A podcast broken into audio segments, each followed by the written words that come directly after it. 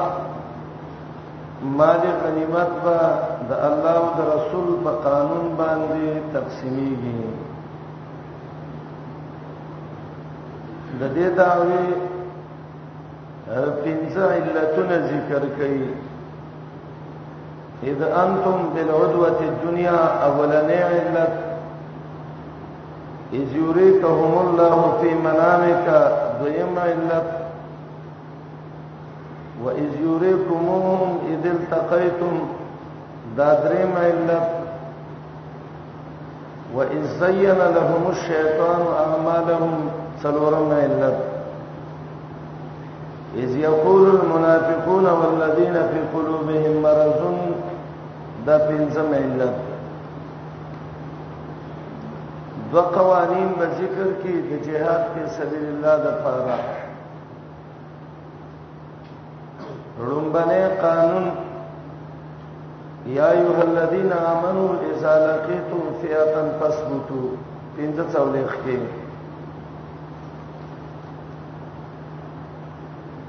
بیا پنځوستم کې با تخویف اخروی ذکر کی دو پنځوس کې تخویف دنیوی او هغه قانون به ذکر کی چې هغه مجاهدین ته ده او د مجاهدین اصلاح په هغه باندې راځي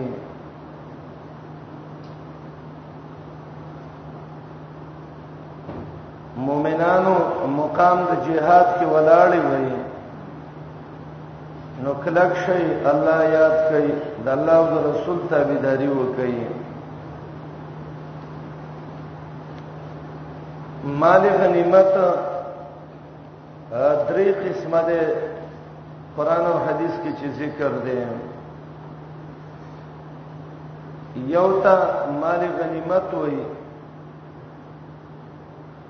دا هغه مال دی چې په جنگ د مجاهدینو حاصل شوی دویم تا مالفه وای دا هغه مال دی چې به د جنگ نه حاصل شوی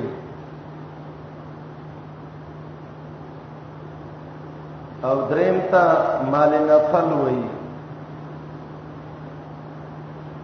دا هغه مال دی چې مجاهدین وتختی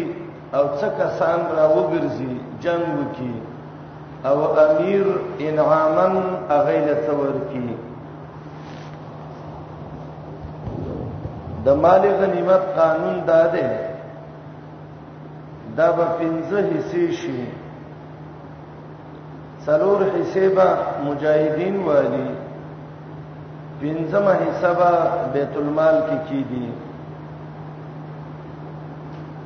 بیت المال کې چې کومې حصے کی دي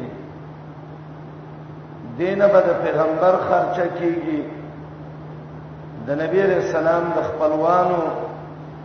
یتیمانانو مسکینانو او د مسافرو وعلمو انما غنمتم دی آیات کې د مال غنیمت د تقسیم طریقه ذکر کړي ذویل قربا د نبی علیہ السلام مجاهد وای د بنو هاشم عبد الله ابن عباس سے وای دا ټول قریش دي محمد ابن جرير تبری وای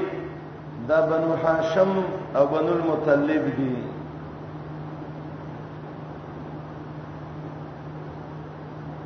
یتیم او مسکین دا هغه دي چې قران په مصارف زکات کې ذکر کړی دي ابن السبيل د لارې بچي مسافر دی حاجی دی طالب العلم دی مجاهد دی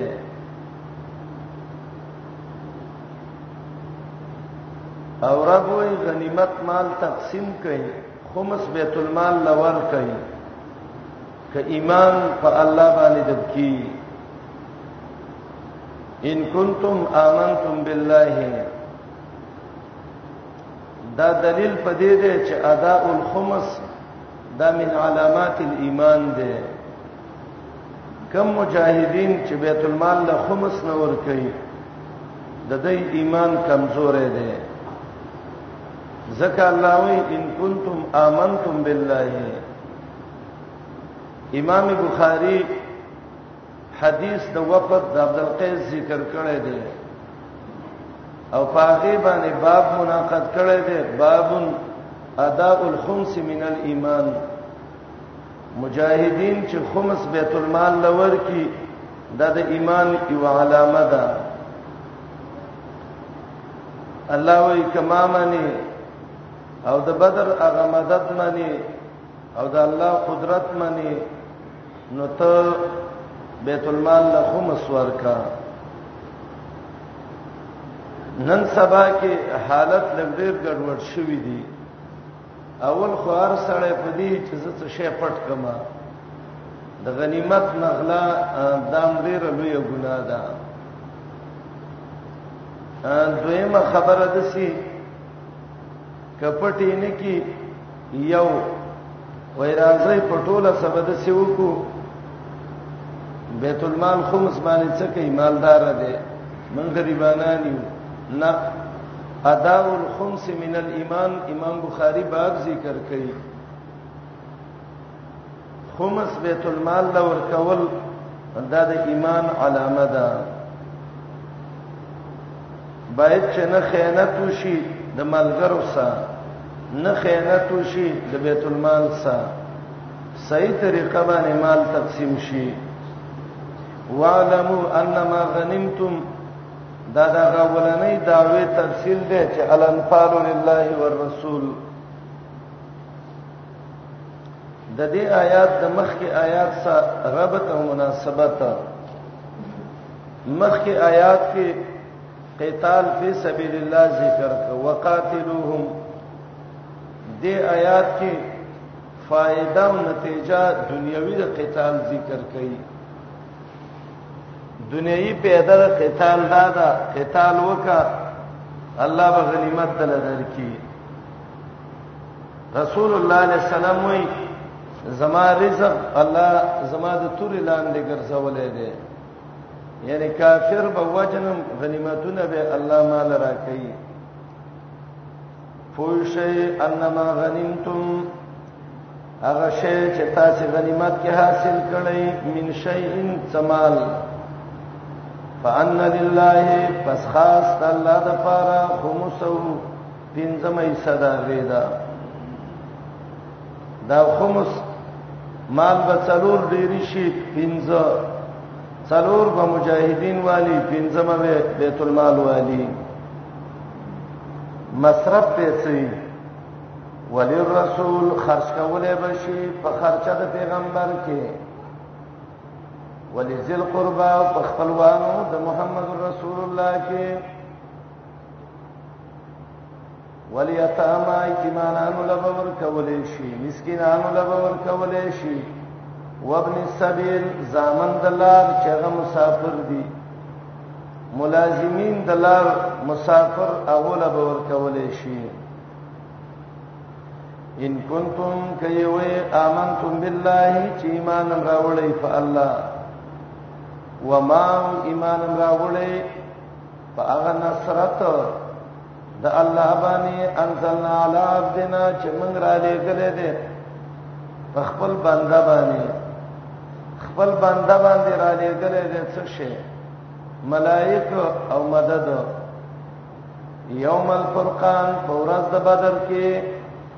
د بدر نوم دی الفرقان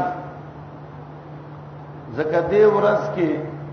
حق او باطل بالکل ښکار شو دا کوم ورځ وا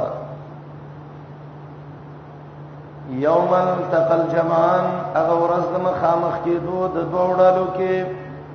چې یو جمع د کافر او دوی مجمع د مؤمنانو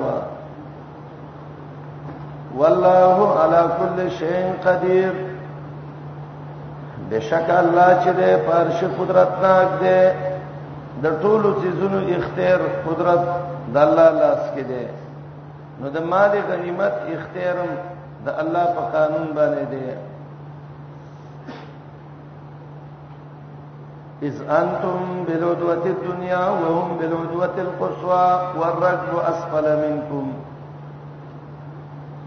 دې آیات کې اولنې علت ده مال غنیمت با د الله په قانون تقسیمیږي ولی به تقسیمیږي مال غنیمت درکړې ده الله فیصله به کې د الله چلیږي اے صحابه د نبی علیہ السلام مرګرو کله چې تاسو په هغه کیناره وای چې هغه مدینه ته نږدې و او کافران چې وو په هغه لری کیناره د مدینه نه وو او قافله د ابو سفیان لاندې روانه و که وعده مو سکړی وي کې دې شي وخت کې مخالف شوی وي لیکن الله هغه کار د مدد د مؤمنانو پورا کړ نو چې مدد د مؤمنانو الله پورا کړ نو مالی غنیمت به الله په قانوني اذ انتم بالعدوه الدنيا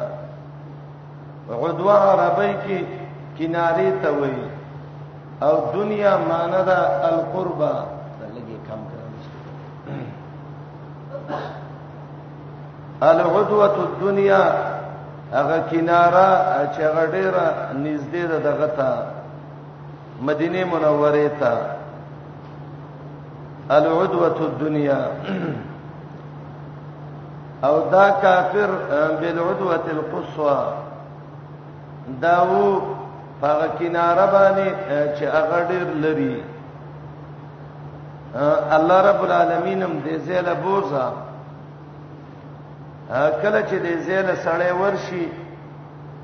بالکل دا آیاتونو باندې به ډېر خپويږي کله چې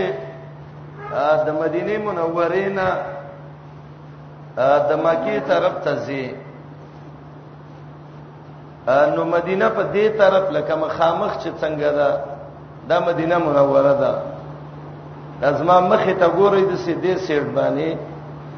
او شا طرف ته د سې په دې طرف باندې مکه پرته ده نو د مدینې نه بسیده مکه ته ځي زخپل پروس کال تقریبا زه بدر ته ورلم دې زیاته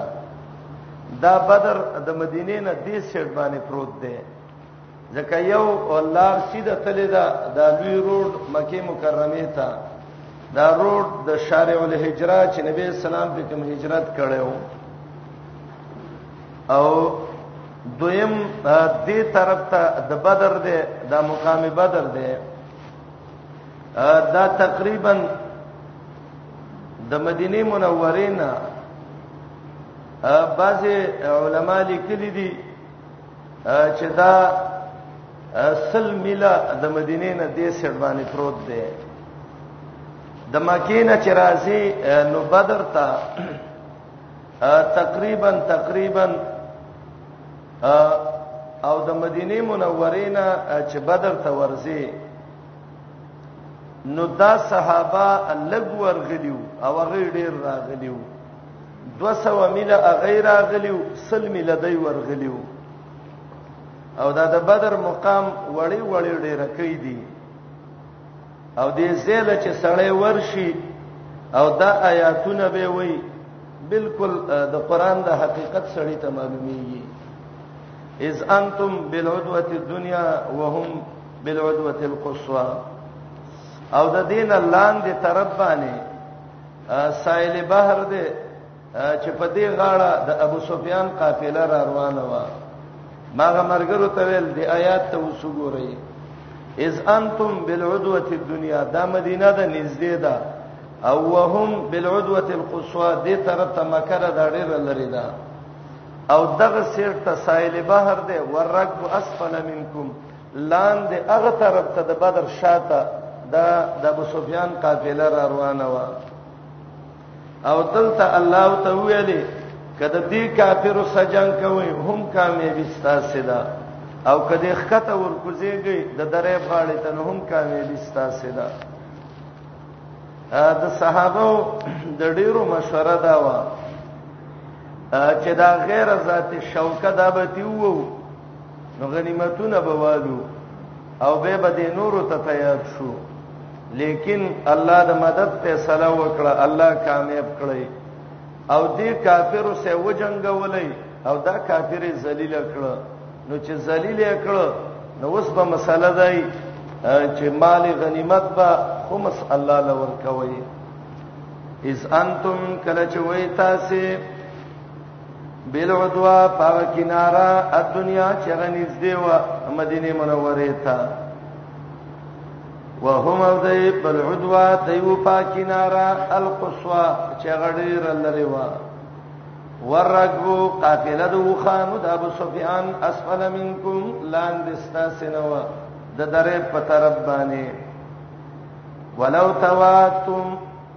که وعده کړی وې تاسو لختلفتم فی المیاد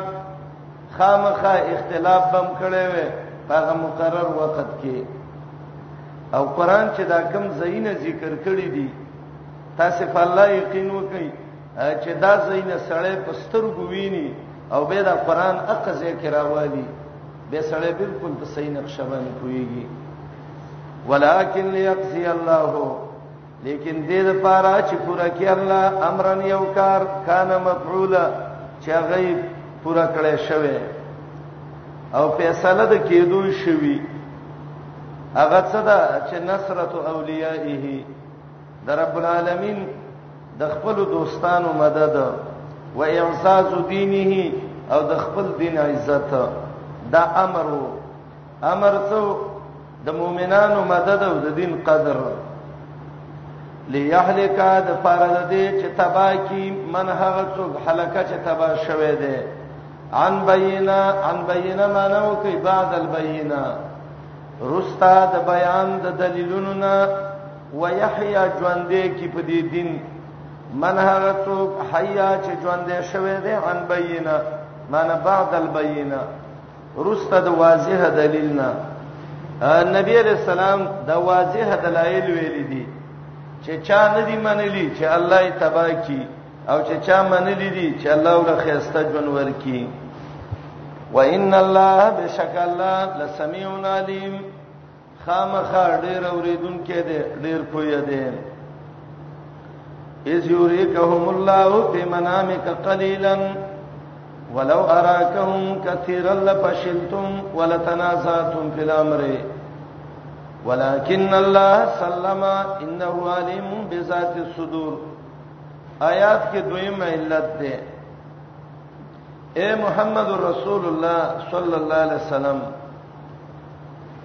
کله چې تا خوب لیدلې و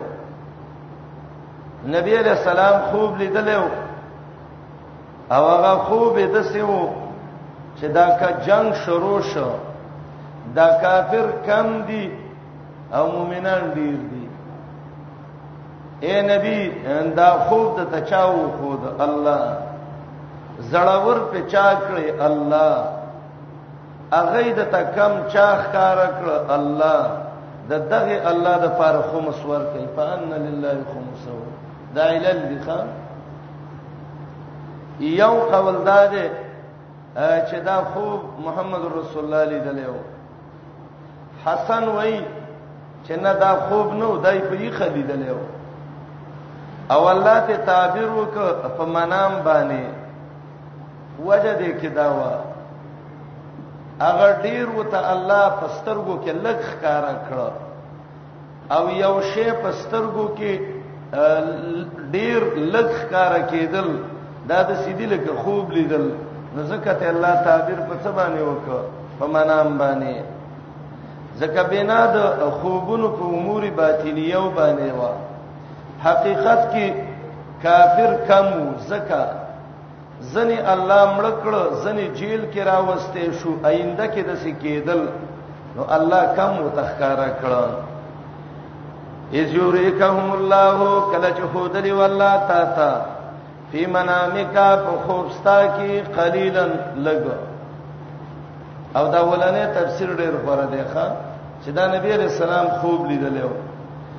او څوک چې وایي چې دا خوب نه او الله ته تعبیر په منام سوک زکه دا خبره د سیواله کې خوب لیدل یا خوب په کم ځای راځي سترګو باندې راځي کنه په دې سترګو الله نبی رسول الله ته کم ښکار کړیو ولو راکم خودلی وتا کثیرن ډیر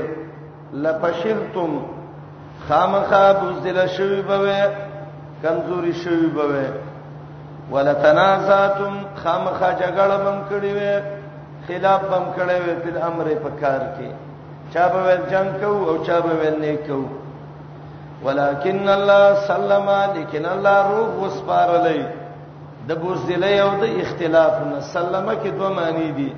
سلم عن الفشل والتنازع الله بچ وساتلې د بوزدلې کېدو او د اختلاف نه یا سلم عن الحزیمه والقتل روغ وساتلې د شکاس او د مرګ نه بچې کړې بشک الله دې ډېر پویا به ذات صدور فراز د سینو باندې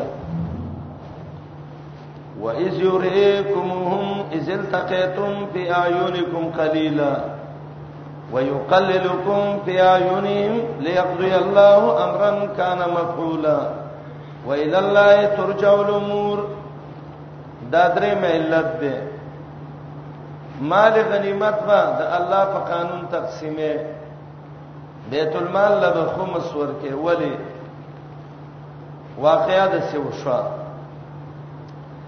کله چې کافر او مؤمنان مخامخ شو رب العالمین دا مؤمنان د کافرو ته پسترګو کې کم ښکارا کړ او دا کافر الله د مؤمنانو ته پسترګو کې کم ښکارا کړ دا قاعده ده چې جانب مقابل چاته کمزور ښکار شي نو دا په زړور ورسي دا صد پاره کافر مؤمنانو ته کم ښکار کړو مؤمنان کافرو ته چې سترګې سری شي یو بل سو جنگي د سینا چې د مخ کې د جنگ نه ونه تخت اے مؤمنانو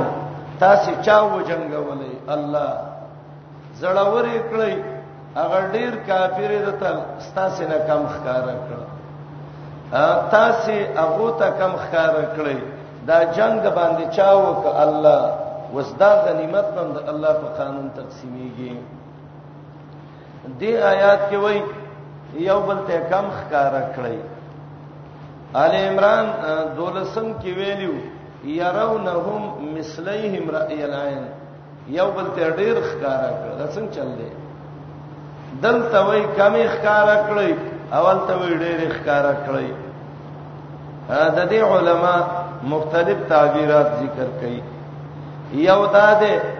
چې د جنگ په ابتدا کې یو بل ته کم ښکارا کړ چې د یو بل نه ونی دیږي ونه تختی او د جنگ په منځ کې یو بل ته ډیر ښکار کړ چې یو بل خط زورو کې چې یو بل ختم کی او دویم قول دا ده چې کافر ته الله مؤمنان کم ښکار کړ ځکه مؤمنان وکم مؤمنانو ته الله کافر کم خکار کړ ولی زکاینده کې اویات جیل کې راوستې شو اویات مردار شو څت زخمین شو نو دا کافر اگر که اول کې ډیرو خو رسته کمیدل نو هغه رستنی حالت ته الله مخ اخکار کړ او باز علماء وای وای دا د جنگ مختلف حالاتو بعضی وخت کې یو بل تر ډیر ښکار کړو چې خپه تیزه گزارونه وکي او بعضی وخت کې یو بل ته کم ښکار کړو کلا چې خودلی والله دایتا ستا ازل تقیتم کلا چې مخامخ شوی وای د دیسا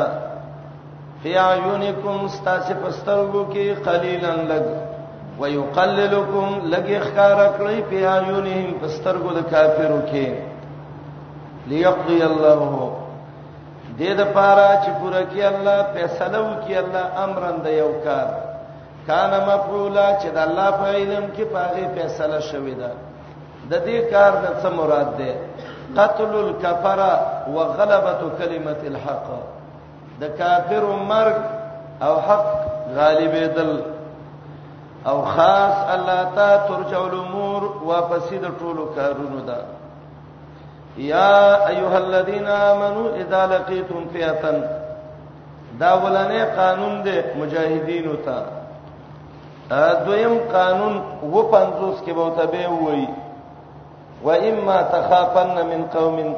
فاما تثقفنهم في الحرب مقصد د دې قانون دا دی اے مجاهدینو کله چې جهاد میدان ته ورځي کلک شي زړه کلک شي چې زکه مرګ الله لیکلی هغه بدلیږي نه اړل تسل ور کوي چې زه کمن شوم شهید او کجوندې هم غازی او د تثبت طریقې دا ده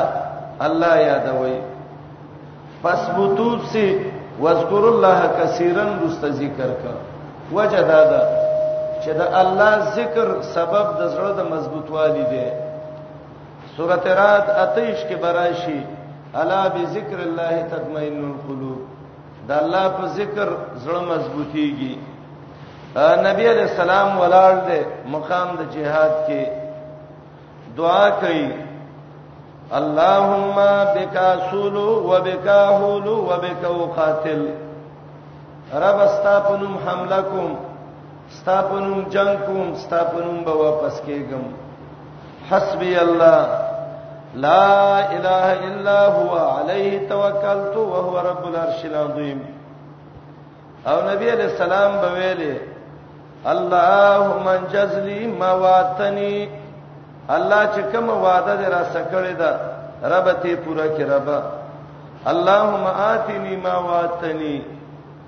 اللهم ان تهلك هذه العصابه لا توبت ابدا الله کدا لګ مؤمنان هلاکه رب څوک به دې بندګي ونکي مجاهد باید چې دې کې شپږ صفاتونه یې هغه شپږ صفاتونه د دوو آیاتونو کې الله ذکر کړی دي یو صفت دا تثبت پکې دویم صفت دا چې مجاهد ذکر کوون کې دریم صفت دا چې مجاهد د الله او د رسول اطاعت کوون کې څلورم صفت دا چې مجاهد به اختلاف نه کوي او پنځم صفت دا چې مجاهد به صبر کوي څلورم دا چې د الله تابعداري وکړي دا دریمو او څلورم چې پیغمبر تابعداري وکړي او پنځم اختلاف بنه کوي او شپږم مجاهد به صبر نه کوي دا شپږ صفاتونه د تو آیاتونو کې د مجاهدینو ذکر شوی دی پس بوتو یو واذکروا الله دوا واطیعوا الله درې ورسوله څلور ولا تنازعوا پنځه واصبروا د شپږ مجاهد چې کله د شپږو صفاتونو قابل وګرځي دا ولنې قانون دی د سي مجاهد سره الله مدد کوي ان د هغه فوجینو سبا الله څخه مدد وکي چې هغه د الله اکبر او د ذکر په ځای باندې د ناره حیدری علی مدد आवाज کوي ا پینځه کسان د ناره تکبیر الله اکبر غږ کوي او صلا وتیاب کې د ناره حیدری علی مدد आवाज کوي چرې الله د دس خلکو مدد نه کوي دا اسباب دي او دا صفات المجاهدین دي انفال کې د انسان صحیح سره الله جوړي مجاهد نه صحیح جهاد کوونکې الله جوړي خصيفتونه والا سړی جهاد کوي باید چې سورته انفال وي اول ځان کوی کی مجاهد با د شپږ صفاتونه بکی اے ایمان والو کله چې بخامخ شي په اتند یوړلې څه فثبتو کلک شي ځکه ته د الله لپاره جنگيږي هغه شیطان لپاره واذکر الله یاد وی الله کثیرن ډیر چې الله ډیر یاد کوي زړه باندې کلکی لعلکم تفلحون د دې لپاره چې کامیاب شئ دا په اصول الفلاح الله ذکر کړ تثبت او ذکر تابعداري وکړئ د الله او د پیغمبر ولا تنازعوا اختلاف مکوي جګړه مکوي فتبشلو کمزوري بشي بوزدل بشي اے مجاهدین خپل منځ کې مو به اتفاق کیږي چې یو قومندان را پاتېږي بل ولي او بل را پاتېږي بل ولي ولی یو دا کمزوري بشي دویم وتذهب ريحكما دا د قران اشارات دي ښا یو معنی دا ده هغه ریح چې هغه ریح النصرت ده چې هغه نبی علیہ السلام ویلو نو سرت به سبا بعد سبا باندې الله زما مدد کړي دي رب العالمین با هغه نصرت د بعد سبا ستاسو نه ختم کی وتذهب ريحكم تذهب عنكم ريح النصر الذي هي ريح السبا او دویمه معنا دا ده وتثبريكم ختم بشي ستاسو دبدبه او قوت هغه قوت او دبدبه چې هم دا ابم ختم شي ځکه خپل مینس کې به یو بل مړ کوي کافر به خوشاله وي بس دا به اتفاق لري ورځي په دریم گاڑ رواني خطه روان دي د دیر شتو څولېخ تولا کو روپو گاړې دې غسته دي ناڅا پټیر کې هوا ختمه شو د 50 روپو هوا کې ختمه شو گاړې ودرېږي کې نه ودرېږي وتذهب ريحكم مجاهدین پنچر بشي گاړې چې پنچر شي په ځای ودرېږي به وخت لین شي ګور او څلورم معنا وتذهب ريحكم مجلس کې چې د انسان نه خروج الريح وشي شرمېږي معنی و به شرمېږي هوا به نوځي په مجالسو کې دا مزرات ضررونه د اختلاف دي اختلاف کې دا نقصان راوځي لاړ بشي هوا ستاسو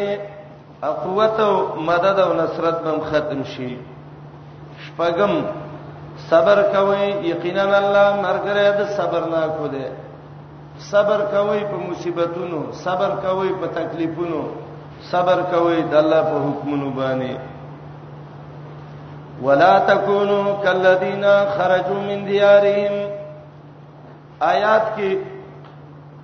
درې شینو نه الله مجاهد منی کوي سلبي امور شروع شو کنه مخ کې ویل تنازع مکوي دلته وي د دې خلکو شان پیخې مکوي یو دا ده چې تکبر مکو مجاهد ابو جهل تکبر کړو الله و شرمو دویم مجاهد ریاکار نشي وریا الناس کریا دې وکړو شهیدم شوي اولنې د جهنم ور الله پتا ګرمي حدیث ترمذی کې دي ریاکار شهید باندې چې جهاد دې لا کړي چې خلک راته زړور وي دا زړور نه دي دا خو زناور دي حدیث کې دي د جهنم ور په پدې ګرميږي او دریم مجاهد ته وای مجاهده ته جهاد کوونکې ورته سينه چې خلک د الله د دین نه باندې یی مجاهد او چغه وی چې دا خلک زمون دشمنان دی ولی وابین دی ولی دیستی او بل دی نه نه یسدون عن سبیل الله د الله د لار نه خلک نه بندې دا درې کارونه کافرو کول الله وی تاسو کافرو په شان مکیږئ ابن جرير تبري د عبد الله ابن عباس رضی الله عنه روایت ذکر کړی دی دیار لسم جز کې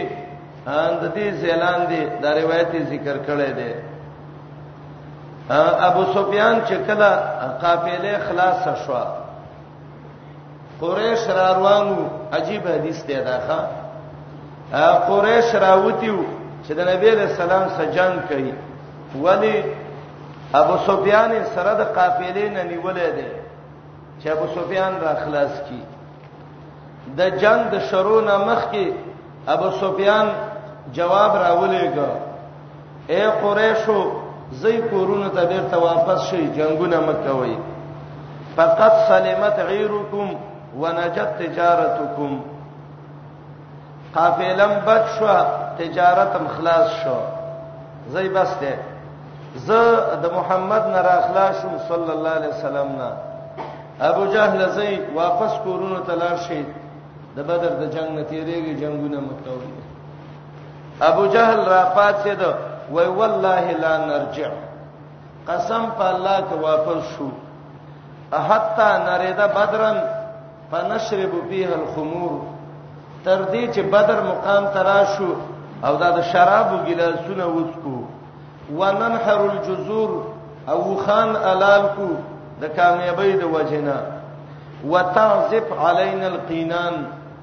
او دمه مونږ ته وګړيږي او ربابونه او ستارونه وای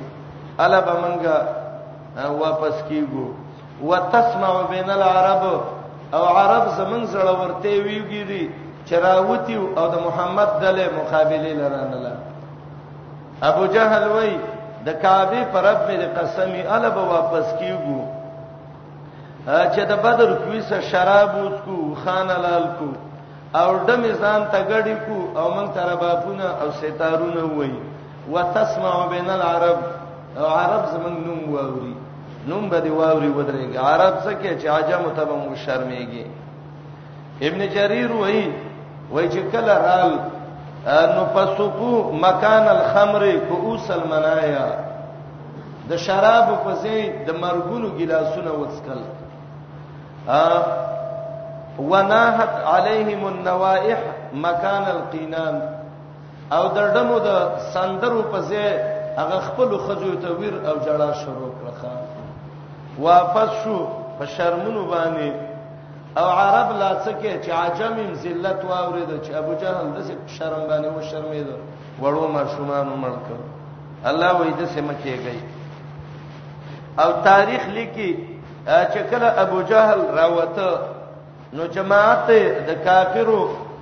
پنځه ډلې کړې ځکه دا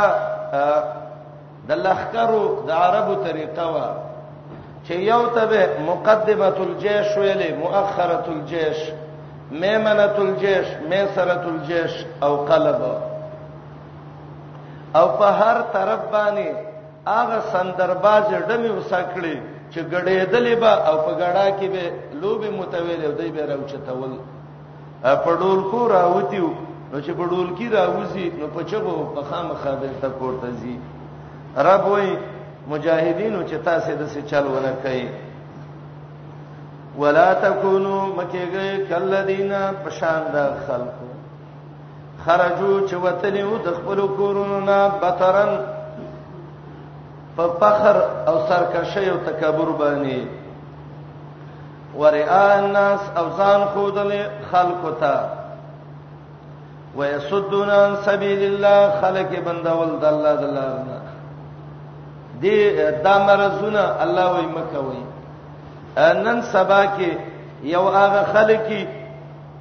چې الله ته هدایت کړي نور واده به بډا بم غړيږي بډای بم غړيږي ځوان بم غړيږي ماشوم بم غړيږي او چې به معمولی صدمه او تعالی ورسي خله وازه کړي د سکیب شان رمباړي به وي الله وای د سې کار مکوي لکه ابو جهل دلې چکاو بترن راوتلیو په فخر او تکبر ورئا الناس او ځان خو د خلقو ته ويسدون عن سبيل الله خلق بندول د الله د لارې نه الله پاک چې د کوم عمل کوي موحد ګرا چون کېله و ازین لهم الشیطان اعمالهم څلورم علت شیطان دې ته عملونه خيسته کړیو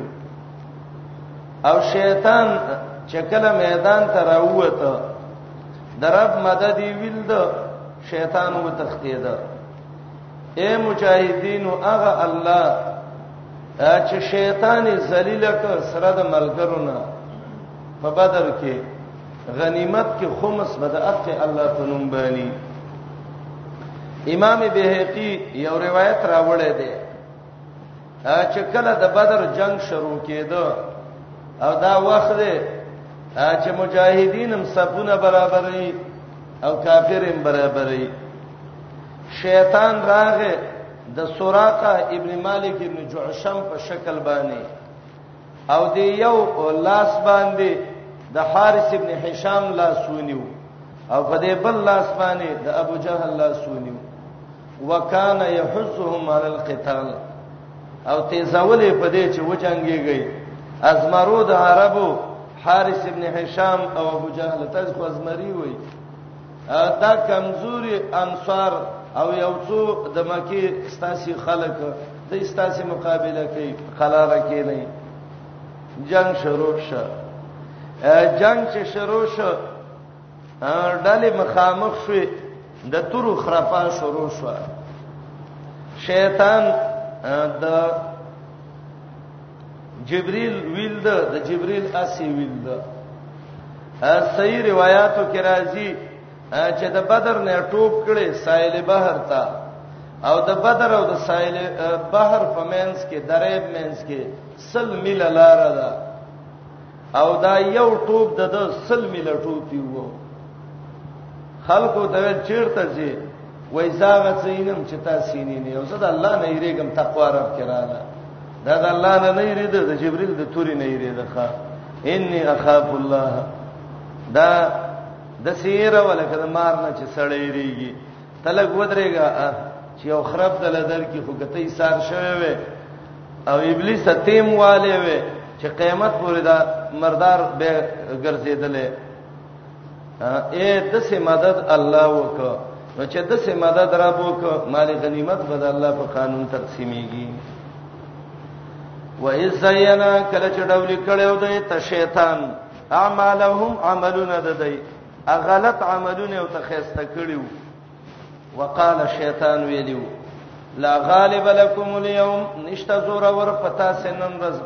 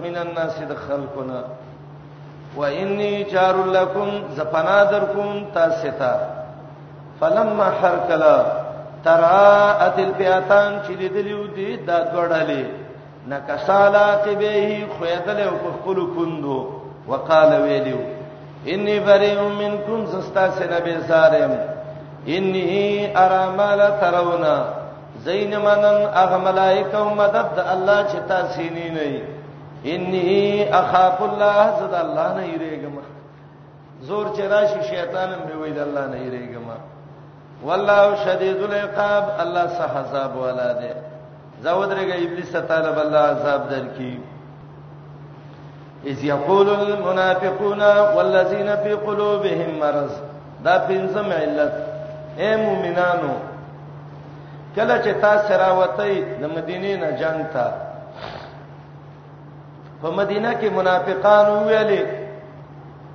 دا خلک د خپل دین دوکه کړی دي ځانونه په وجني هغه خلک چې زړونو کې مرض د منافقتو اهل کتاب نورو کې هغه به مل غر هؤلاء دینهم دای د خپل دین لیونی کړی دي دا وسم دا کافر وای چې څوک دیندار سړی ویني او تلانجه او مصیبتونه او تورسیږي دین کې خو تکلیف رسی ضرور ته چې میوه خوري کرواړه چې خوري نو خامخا کمیس باندې شلې لګنه دا دې چې زدي دیندارم شمه او دین دې مراد کراشي او تکلیف دې ناراضي دا بس ګټي یو مؤمن مسلمان دې دین کې تکلیف وته ورسېږي منافقان وای مړه د دې دین نشه جوړ کړی دی دا یقینا زمنګ استاد دې دور کې موي بلکار نشته دین دی او دین دی ولې دا جنتی دی ځان لا مجاهد و شهید شي دا به ضروري خدا د منافق عمل دی مړه دې دین نه شي جوړ کړی جهادونه چیرته دی خو د پیسو جنگونه دی او بل دی او بل دی او بل دی بالکل رب دې خپويږي د بدر جنگ چې کېده ستا مشران وو ورونه وو چې الله په المنافقون ذکر کړی دی هغه یې ویلې غر هؤلاء دینهم دا دې دین غر کړی دی دوکه کړی دی او الله وی فما توکل وکي زم مدد کوم اے مجاهدینو د بدر منافقانو مرزینو استاد سره بارکه د څه خبرې کولې خو الله کامیاب کړی نو فان لله خمس خمس بل چا د پاره د الله د پاره اذ یقول المنافقون کله چې ویل منافقانو او خلک چې زړونو کې مرزون مرز د بی دین یو دا مرزین د اهل کتاب نو در منصور کې سیوتی لیکلی دي غرها اولاد ککړی دي مؤمنانو له دین د دی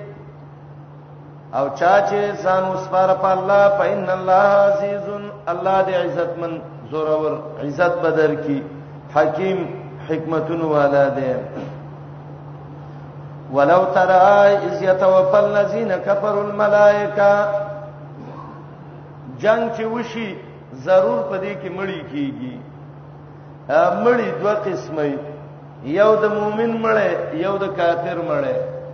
د کافر د زنکدن حالت ته وګوره اے مخاطبه کتالی دله د ترا مخاطبي ذکر نه عمومي پر خدا تلخیص کې به ویلي کله مخاطب او مفعول نه ذکر کیږي چې خو عموم پیدا شي ولو ترى عثمانه وکي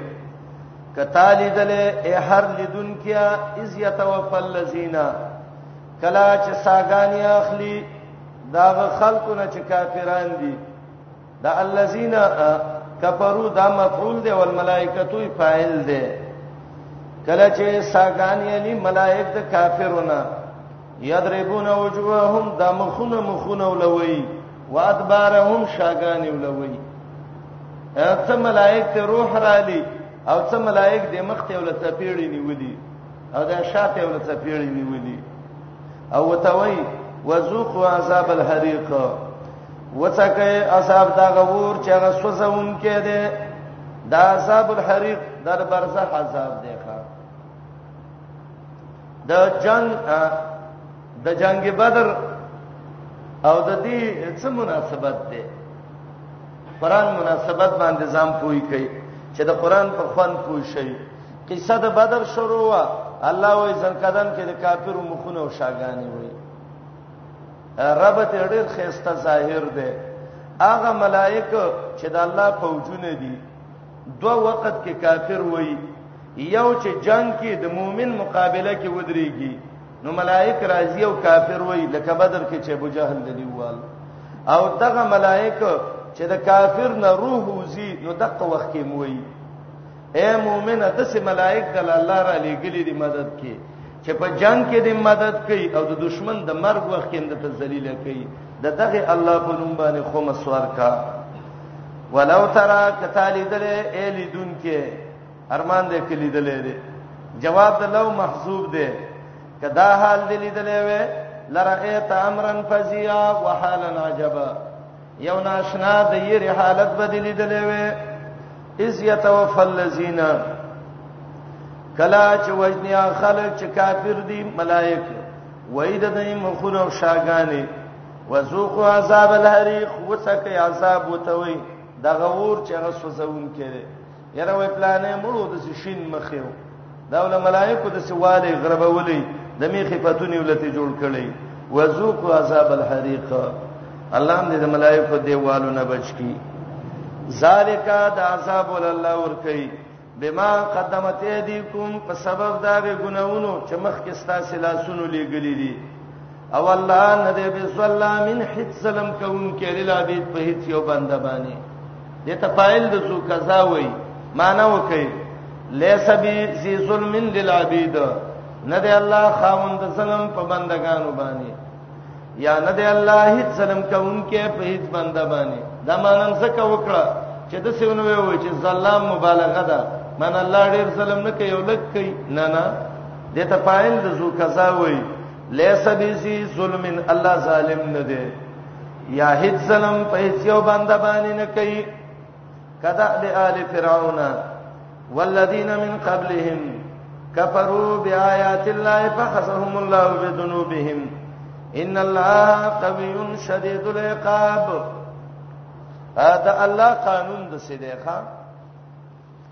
او دا به د اسلوب د قران نه تاسو معلوم کړئ چې کله الله یو مضمون شروع کړي نو رب العالمین الهغه مضمون پرې دی چې مخاطب په خپوی کی دا کافر الله ولی ذلیل کړ نو د دینه مخ کې آیات کې ویلې کافرو دغه والي لاسکه چې ځن کدن کې موي وسته توي دای زکه ذلیل کړه د رب قانون د سره چې چا کو پر کړی الله یې ذلیل کوي او مثال د تخی فرعون ته وګوره کنه سرکشي کړي وا په سرکشي راووتل او تشبیه ور کړی دا د کفار قریشو د حال د فرعونو سره پڅ کې یو خدا دې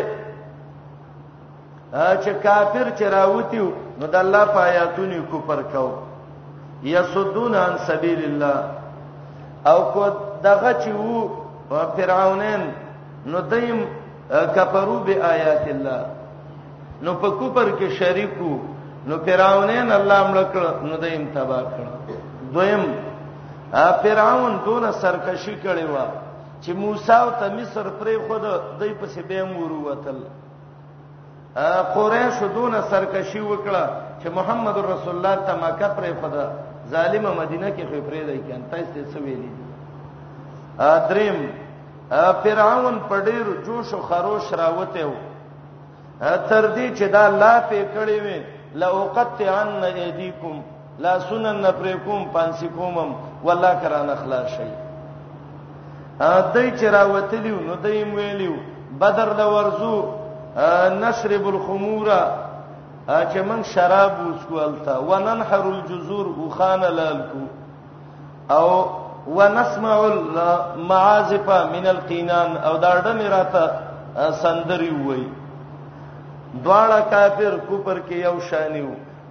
اغه الله د درې په چپوال دی الله د ملائکو په چپو باندې وال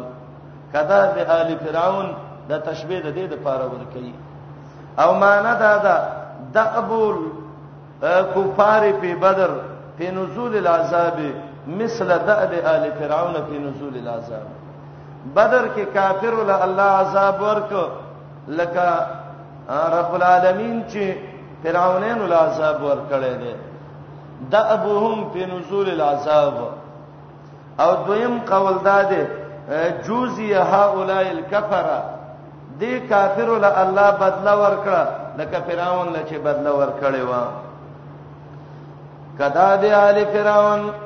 حال د موجوده کافرو د قریشو په نزول د عذاب کې پشان د حال د آل د فرعونو او لوی تشبیب کې دا دام شته مناسبت فرعون موسی د سبیل الله نه بندو او ابو جهل د محمد رسول الله بندو والذین من قبلهم او حال پشاندا خلق دې چې د دینه مخ کیو کو پرې کړو د الله پایاتونو فاخذهم الله بذنوبهم الله نیولیو په سبب د ګناهونو الله دې قوی طاقتور شدید العقاب صحذاب والا ده او آیات کې دو سبب د عذاب ذکر کړ یو سبب کفرو به آیات الله دویم بذنوبهم کفرم کړو ګنایم کړو ذالک دا عذاب ول الله ور کوي ولی بان الله الله چې ده لم یکون ده مغیرن بدلون کې نعمتن یو نعمت دا نعمت د رزق او د امن انامها علی قوم چې نعمت کړي په یو قوم باندې الله چې په یو قوم کم نعمت وکي الله یې نه بدلی حتا یغیروا ما بانفسهم تر دې چې دا قوم بدل کی هغه زمواري چې د دوی په نفسونو باندې و نو آیات اوس د مکی والا سوال کوي دا مکی والا الله یو د سکلی کې پیدا کړیو چې مطمئنتن امنه د امن کړو لیکن الله په نعمت وکړه الله دې رزق نه بندو امن ته نه بدلو خدای نعمت بدل ک ذهب الله بنورهم محمد رسول الله باندې کفر وک کتاب باندې کفر وک نعمت بدل ک نعمت چې بدل شي عذاب په خپل راځي نو عذاب پر راغی ذالک دا عذاب الله زکه ور کوي بان الله الله چې لم یکون ده مغیرا بدلون کې یو نعمت لا چې نعمت د رزق او د امن دی انعامها چې نعمت کړي علا قوم په یو قوم حتا تر دې یغیرو چې دای بدل کی ما به انفسهم اغه عمل چې دای په نفسونو باندې دی چې هغه کفر په محمد رسول الله په کتاب باندې او بهشک الله سميع عليم ډیر اوریدونکې دی او ډیر پوی دی آیات کې د الله درې صفاتونه ذکر کړو یو سلبي صفت لم یکو مغیرا نعمتا او دویم سميع او دریم علیم کذاب آل فرعون والذین من قبلهم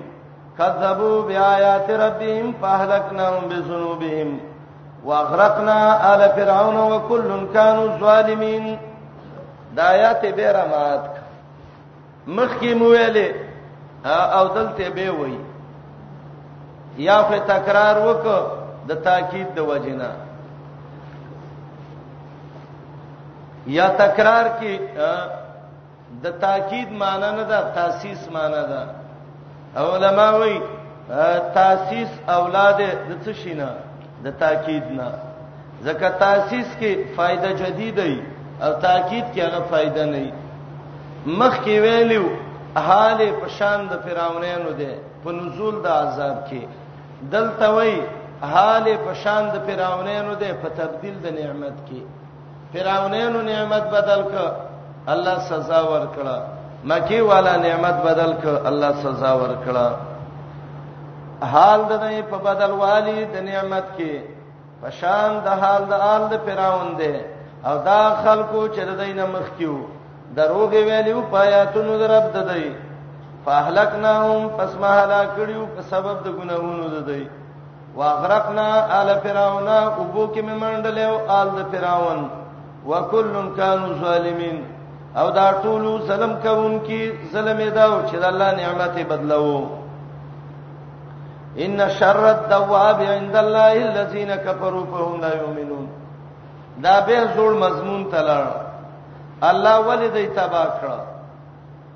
چې الله په ملائکه وال نو مخ کې ویلې چې د فرعونانو په شان مستی کړي وا دلته وای په ټوله دنیا کې دا شرین دي او د شری شي ختمولو کې حیا او عزت دي ضروري شی دی کوټه کې دی مار دی او ته وای چې خپرې ده دا برا سګرځي دلته سبب ټک درکړې یخ خپل بپروتي اقتل المزر قبل ضرره د ضرر نه ضرري مخ کې ختم کا دا آیات مخ کې دویش آیات کې ویلو دلته به ویلې آلته په حالت د منافقانو کې ویلو منافقان ډیر شرین دي او دلته په حالت د کافرانو کې ویلو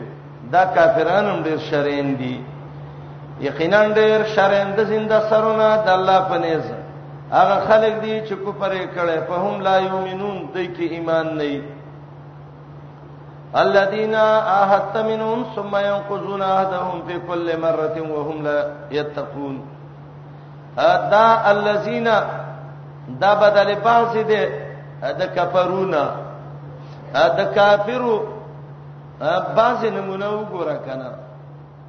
او د شر علت ذکر کړي مخکې آیات کې ویل دا شرین دي دلته الله د شر یو نمونه ول ذکر کړي هغه يهود ته بنو قریظه و چې د محمد رسول الله سره وعده ما تکړه یو دویم دا يهود د بنو قریظه چې تقوا کې نشته تقوا نشته وعده پابندی نشته ده نو دا ځکه شر او دواب دي چا کې چې تقوا نه دی وعده خیال پکې نه نو دای یو نمونه ده د شر او آیات کې دوه قباحتونه ول ذکر کړي نقض العهد او عدم التقوا الذين اغ خلق عاهت منهم چې وعده کړي و ته دینه دا بنو قریظه وعده او سشوي و تاسو به څه نه وي وي بدر ته چې صحابه راووتل کافر راووتل بنو قریظه وعده ما تکلرال د کافرو جنگ کې ودرېد ثم ينقذون بما تخفل وعده في كل مره هر ځل کې وهم لا يتقون او دې د الله نه نه یریږي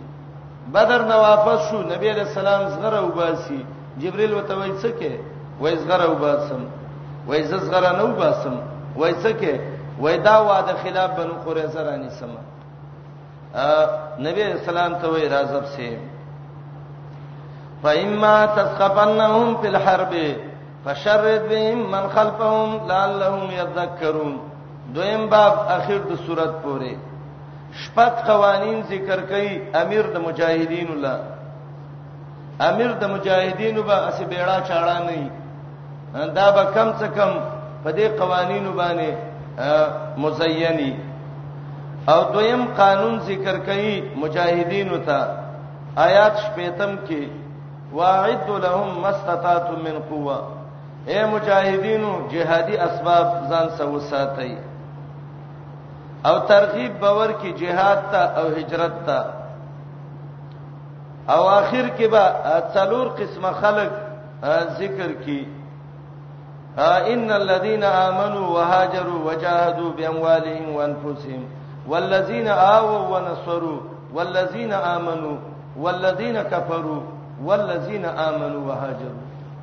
څلور قسمه مخلوق ذکر کړي او انفال کې به تمهید ذکر کړي چې دا څلور قسمه خلق دي او توبه به د دې څلور قسمو پورا پورا علامه او نمونه ذکر کړي دا اولنې قانون امیر د مجاهدینو ته امیر د مجاهدینو دا به د شکار کوي چې کافر به د سی وای جنگ کې چې رستنی کافر په وای رہی دا به خپل او پر دې نه کوي دا مې ترور زه دی او دا مې خپل دی او دا مې بل دی نه نه چې د کافر سب کې راغې مخې ته دی کدا دې ورور دی او کدا دې تر دی او کدا دې بل دی دا باندې دا خو آسان کوي ابو جهل د اذانونه هم کول د بیت الله خدمتونه هم کول اجینو له او ببم ورکولې جمعهتونه هم جوړول سورته توبه کې وای زکاتونه هم ورکول خو د کافر په سب کې ودرېد چې ودرېد سر تی وو او ورور دې دې تر دې دې ماما دې دې زوی دې دې الله د کافر سب سب کې ودرېد شیخ الاسلام ویلو چاو ته ویل تاتارین خو منځونه کوي اذانونه کوي او دا خو کلمې وایي او هغه هم د الله اکبر غږونه کوي شیخ الاسلام وایي که زو سودرې دم او په دې یو لاس کې می قران کریم او په دې بل کې بخاری و او په خله می لا اله الا الله غږ کو خو چې کافر سره سب کې ولاړم زما دا سر وو یو ټوټه ټوټه مې کوي نن خلکو ته دا لوی مشکل ګرځیدلې ده یاره پلانې سیدا د کافر ستر جمعانی کوي په پاغلوی جای مسجد کې اذانونه هم کوي د کعبه نبی جمعه شته پلانې خو کلمه موي او پلانې خو ډېر غټه ګیرم پرې خېده دا ابو جهل د نامه پوری ګیراوه دا د ګیرو شیخ نه دی او نه د اذانونو دی او نه د بل دی چې د کافر سپ سپ کې ودرې دا د رب قانون دی او الله ډېر خپويږي په دې باندې ضرب دا باز سادهګان وي یره وي دا خدای څب کې مسلمانان دي دی مسلمان لري تنخواه څوک ور کوي دا مسلمان دی راوچت کړي چا دی دا مسلمان دی د انګريز کافر نه مخ کې روسته روان دی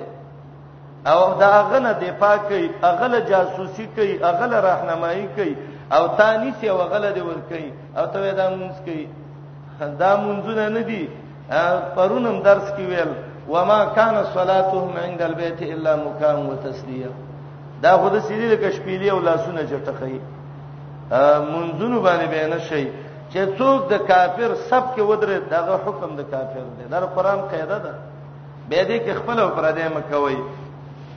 د عمر رضی الله عنه ماما د عاص عاص ابن وائل او عمر له بدر کې راغې او ویل ما د الله نه غوښتي کافره ته خو زما مامای ما سره ډیر احسان کړي خو نن زما د الله خلاف کې ودرېدلې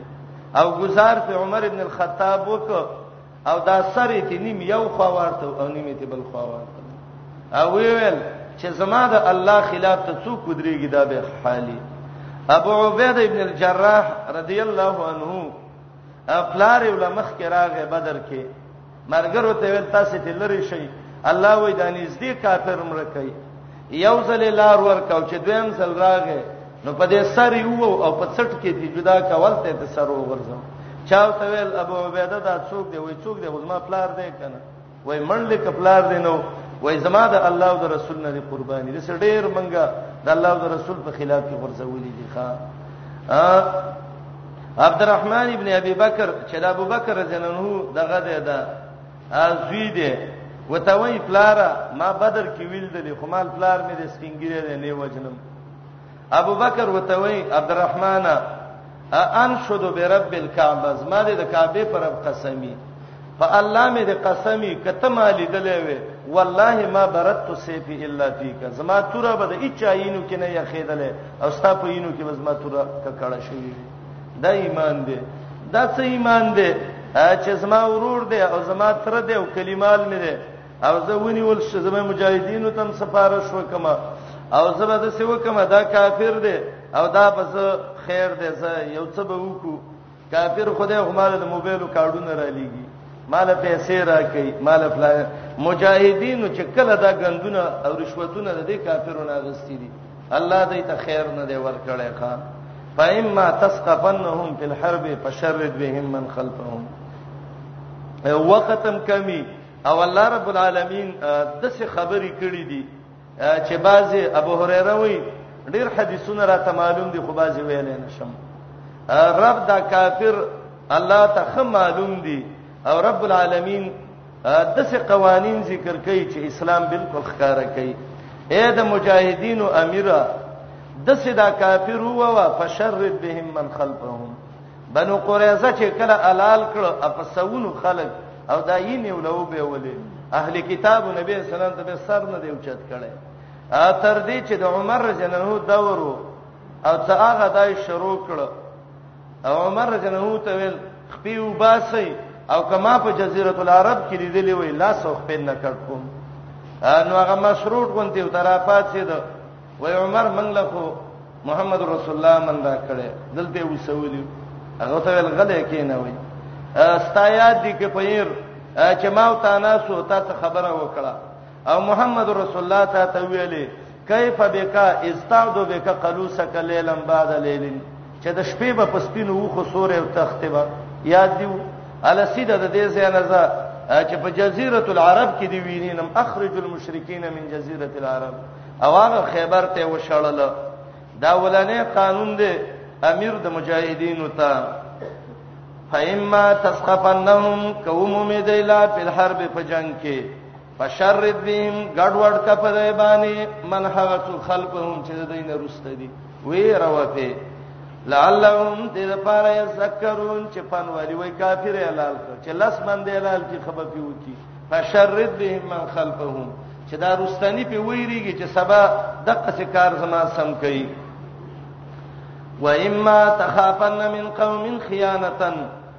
فنبذ الیهم علی سوا ان الله لا يحب الخائنین اے نبی کته یریږي د یو قوم د خیانت نه خیانت څه دی چې وعده ماته کی فنبذ الیهم وعده سما تکالا سوا په برابر والی او بشک الله بنن ساتي د خیانتګرو سره ګوره د آیات ته وګورئ د سینه چې به سوچ وکي په کې وایات معنی کې ګډوډي وي نبی علیہ السلام ته الله وی کله یو قوم نه یریږي چې دای به خیانت وکي وعده به ماته کی ته وسه وعده ماته کا هغه خیانت کوي ته مو سواده ماته کا او د الله سره خیانتګر خوښ نه دي نو سماره تیم خوښ نه وغیم نه دي خوښ و اما تخافن من قوم خیانتا فانبذ الیهم على سوا هغه وعده ماته ته متماته کا خیانت وش فاول هغه وک به ستا وک او د الله یو خیانتګرم نه به خوخ فهم د قران د ضروری شعر دې ته فهم الایه وی آیات مقصد باندې ځان پوي کا هیڅ مشکل معنی کې نشته ده تخافن د خوف نه مراد غالب ګمان دی اے نبی کپ غالب ګمان تا د یو قوم نه دایره مخصوصه کړه چې دا بره سره خیانت وکي لکه بنو قریظه او بنو نذیر نو پم بس الیہم علی سوا اعلان وتوکا چې زما اوستا وعده ختمه ده او خیانت چا کړی دی دای کړی دی کنه ځکه تا ته معلوم که خیانت تا خواول نه دی کړی او ان الله لا يحب الخائنين هغه خیانت وکته او سواده ما ته که خیانت ګرد الله خوښ نه دی و اما تخافن ک غالب ګمان باندې معلومه کیرا من قوم د یو قوم نه خیانتن د خیانت د وادو د ما تولو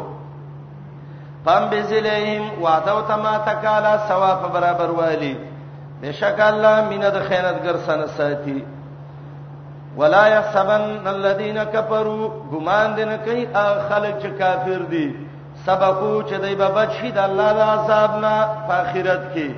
انهم لا يعجزون یقینا دای نشي عاجز کوله الله لره یا لا يعجزون مقابله د الله نشي کوله دې آیات کې اخروی حالت اے کافرو دنیا کې خود سه ذلیل شوي وګوره دا سوچونه کوي چې همدا قصزا و ختم شو اخرت کې د الله د عذاب نه نشي خلاصېدل او کافرو د رب سره مقابله نشي کوله آینده کې د مجاهدینو خلاف ته مودريږي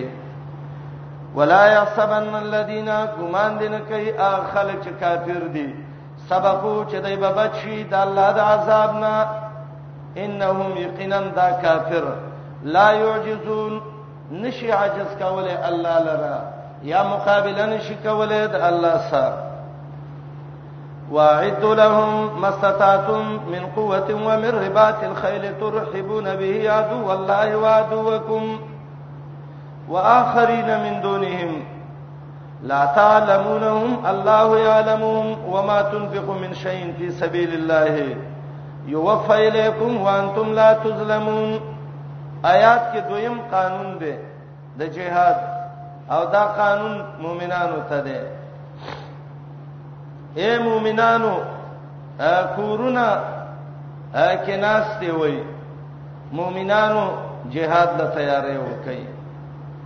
امن قوه قوه څه ته وي سامان د جنگ حدیث کې راغلي دي هغه څه دي امر ربات الخيل اسونه وساتي چې جهاد په وکي د الله دشمن په ویروي او مستطاعتم امام الوسی وایي دې کې اشاره د ټول هغه شینو ته چې هغه باندې مدد غوښتې شي جنگ کې لکه ټوپه کې شوی نور د مسلمان ملک دی باید چې دا د یو ټکنالوژي او د یو اصلي جوړونکو ملکی د مسلمان ملک اجازه نه د مسلمان ملک سټینکو نه د مسلمان ملک سم ماشینو نه دا مستطاعتون دی او باید چې د ملک دوی سه سرمایه په دې باندې ولګولې شي چې د الله دشمنان په ویرولې شي اسونه وساتي ټوپک ځان سره وساتي د څه وخت براشي کافر براشي نو کافر به په زارای تان نه وړي ښا لیوانه سپیر روان دي او ته د قران لاس کې ونی سه لیوانه سپیر په قران نه وړي دا لیونی سپه علاج دا دی دا په سر ولې وجنه به دا کافر د لیونو سپونم خوشی دی او حدیث کې راځي نبی علیہ السلام وی الخيل معقود في نواسي الخير الى يوم القيامه د اسونو په تندو کې جهاد او غنیمت لیکل دي د قیامت پورې اسونه وساتي جهاد د فاره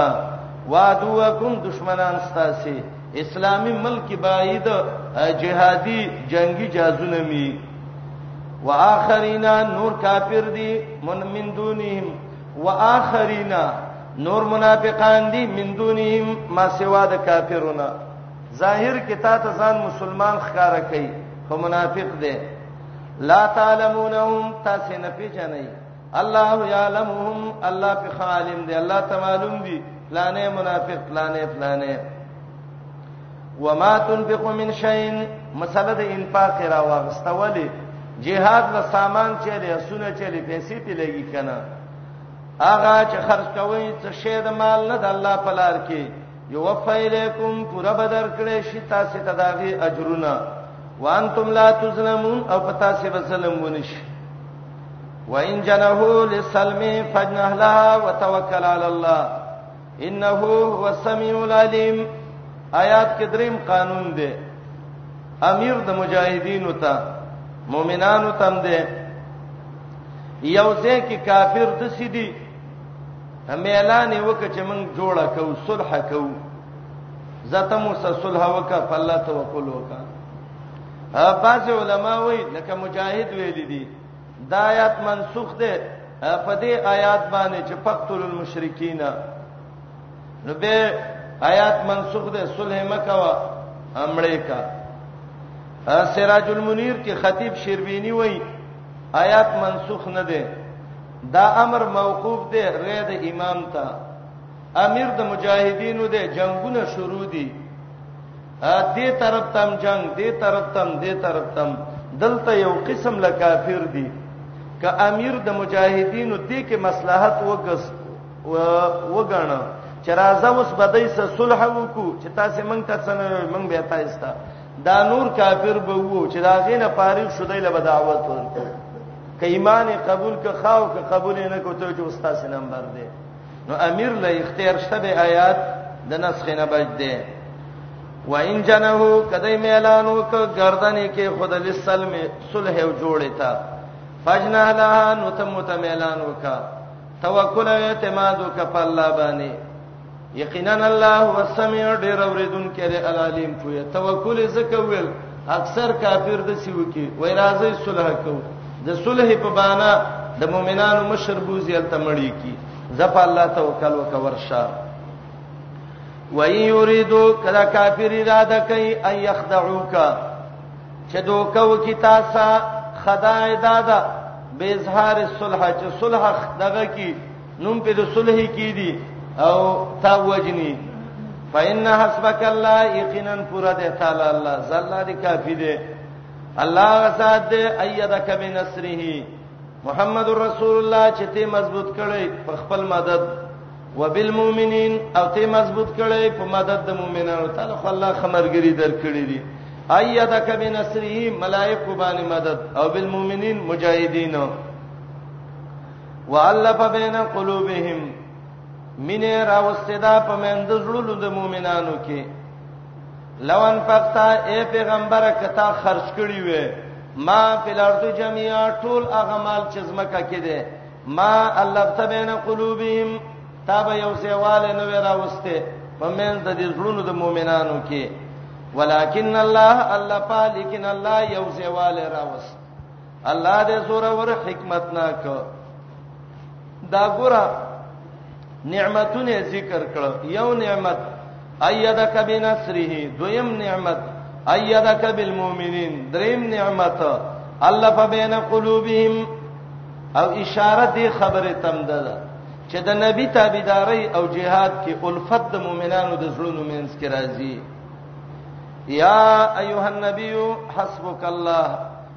ومن اتبعك من المؤمنين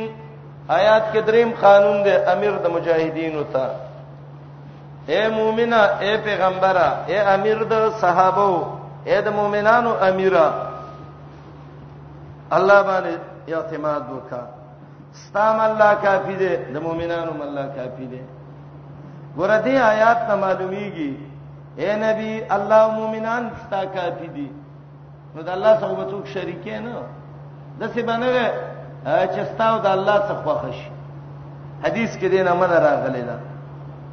ابل مخ کې آیات کې ویل پاین حسبک الله الله دې کافی دی دلته مؤمنان دې کافی دي دا څنګه خبره ده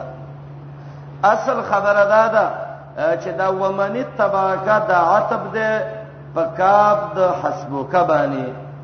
لفظ د الله باندې عتب نه دی ښا شیخ الاسلام ابن تیمیه رحمه الله په اقتضاء او صراط مستقیم کې لیکلي دي چې چا دا ویل دي چې دا په لفظ د الله باندې عتب دی وای دا سړی ښکارا غلط شوی دی فاحش غلطه ای باندې ولی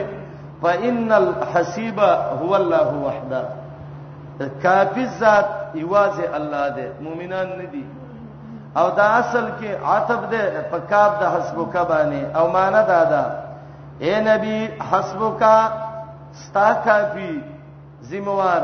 ومن اتبعك من المؤمنین او هغه مؤمنان چې تاب سي تابعدار دي دا ټول ذمہوار الله الله دې نو معنا وکي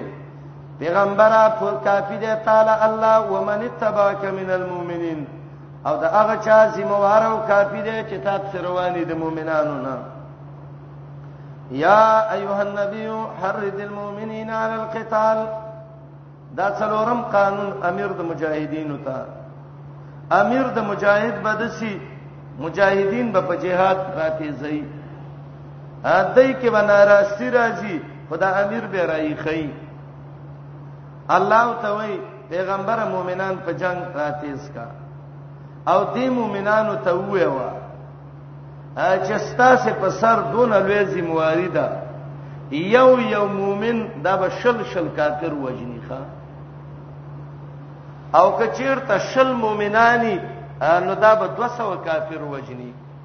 او کچیرته سل مؤمنان نو دا به زر کافر وجنی نو چې 200 شي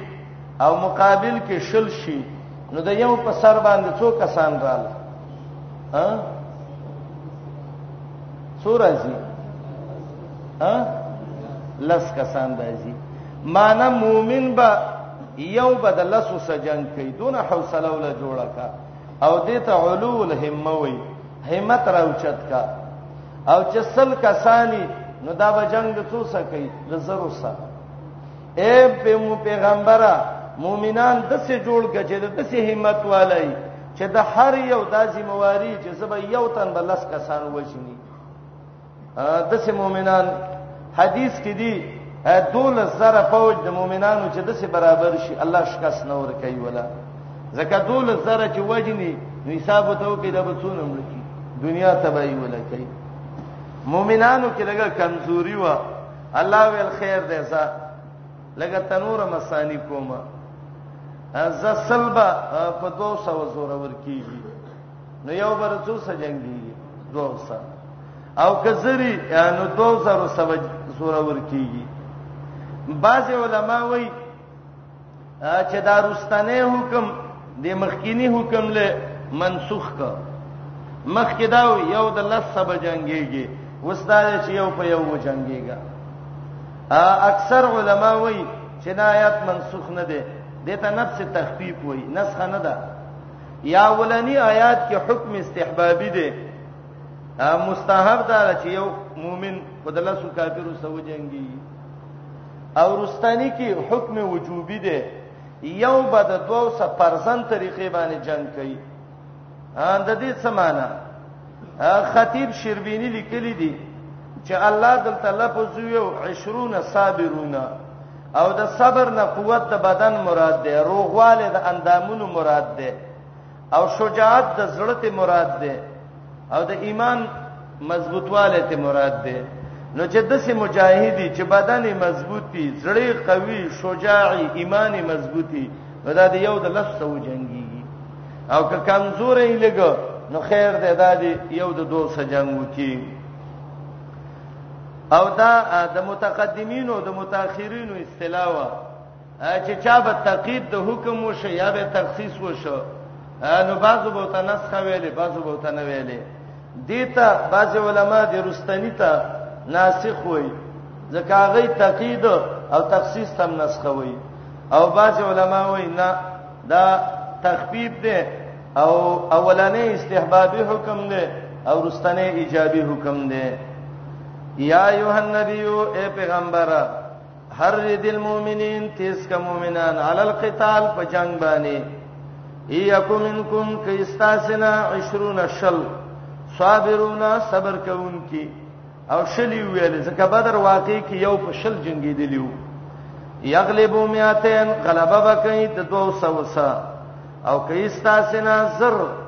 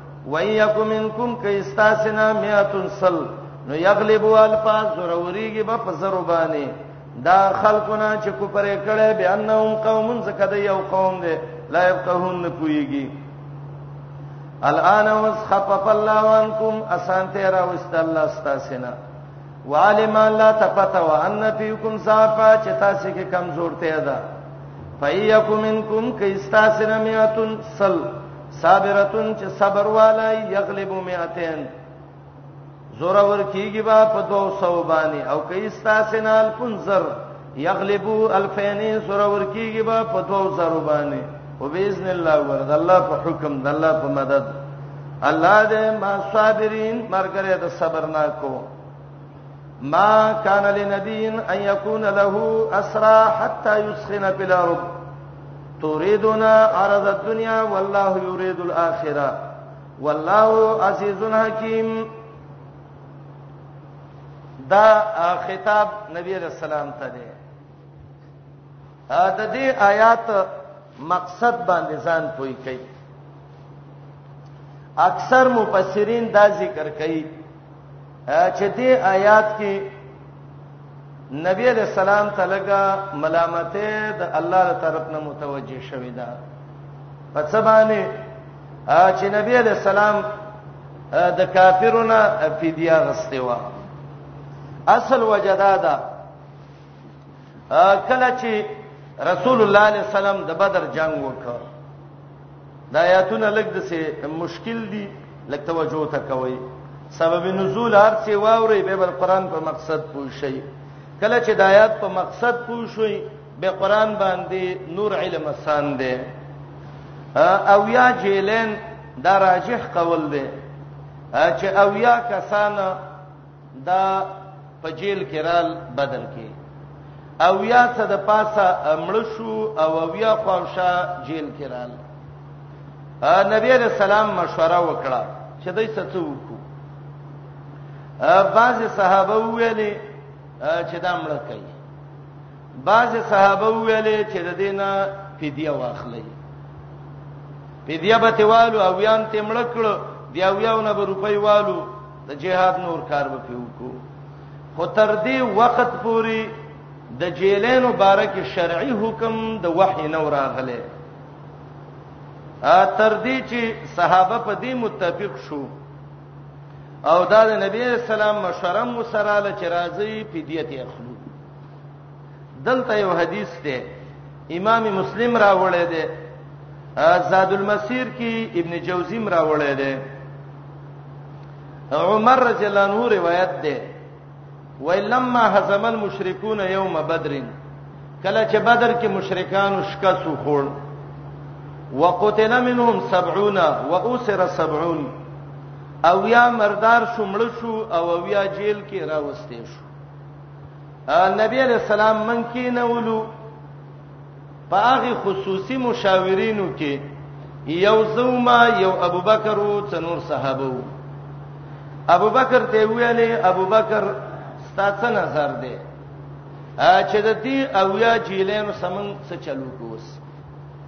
ابو بکر وتویل یا رسول الله هاولای بنو العم استاد تر زامن دي زمنګ ترونو زامن دي زما خیال دار چې د دینه به فدیه والو واصل الله ان يهديهم او قریب دی چې الله به ته هدایت وکي پیسې به ته والو اسلام دعوت به ته ورک دا مشوره وا د ابوبکر صدیق رضی الله عنه عمر ته ویل ما ترى ابن الخطاب عمر استاد خیال دی عمر ماشاء الله عمر ویل رسول الله خبره بتاو کم ارا ان تتمکنی من فلان قریبا لعمر دا پلانې زما خپلوان دي دا مې خپل دي دا مې خپل دي دا دا زما نسبین به اول ما ته رانږدې کې په اضرب عنقهم زه به څټونه ووام به به عقیل ته وې چې دا د حمزه رضی الله عنه خپلوان دي نو حمزه ته به وې ته ورپاتې کې د خپل ورور دی ملکا ا د ابوبکر چې څو خپلوان دي د ته به وې ته د خپل ملکا ستا چې کوم خپلوان دي ته به دا خپل مړ کې یو بل سره دښمنان هم پیناړو هر سړی د خپل کافر مړ کې نبی رسول الله ته ویل عمر دې کې ستاسو مقصد دی عمر وتوي حتا يعلم الله ان ليس في قلوبنا حوادث على المشركين من صرف الله ته خو چې په مشرک زمنګ زړه کې ترس ناراضي او ستا دشمن الله زمنګ دشمن دی او به وته ویلې یا رسول الله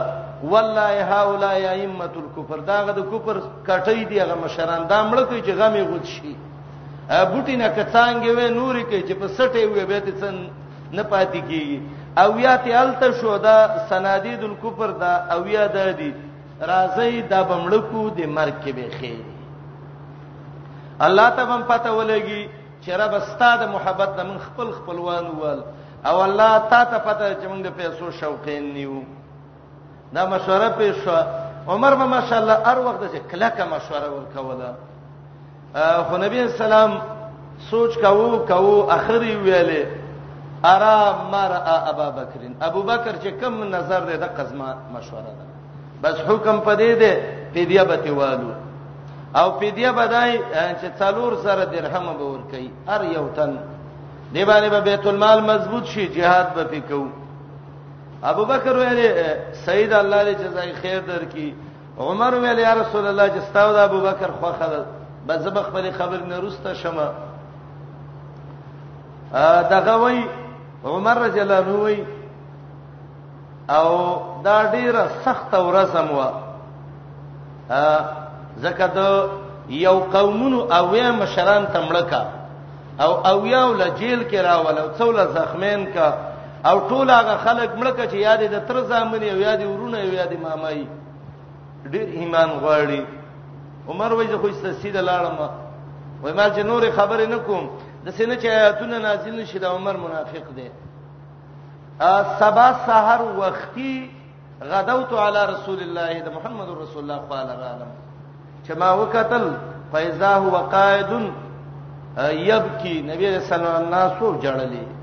وا ابا بکر الی جنبه وهما یبکیانه بل طرف ته ابوبکر ناسو او ابوبکر هم جړلې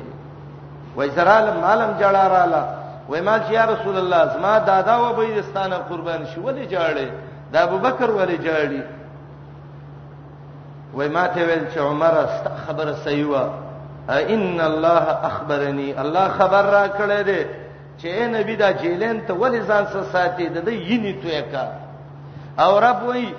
که زما مخکینه فیصله نه وي نو تاسو دا کار کړو مال عذاب درکو فیصله څه ده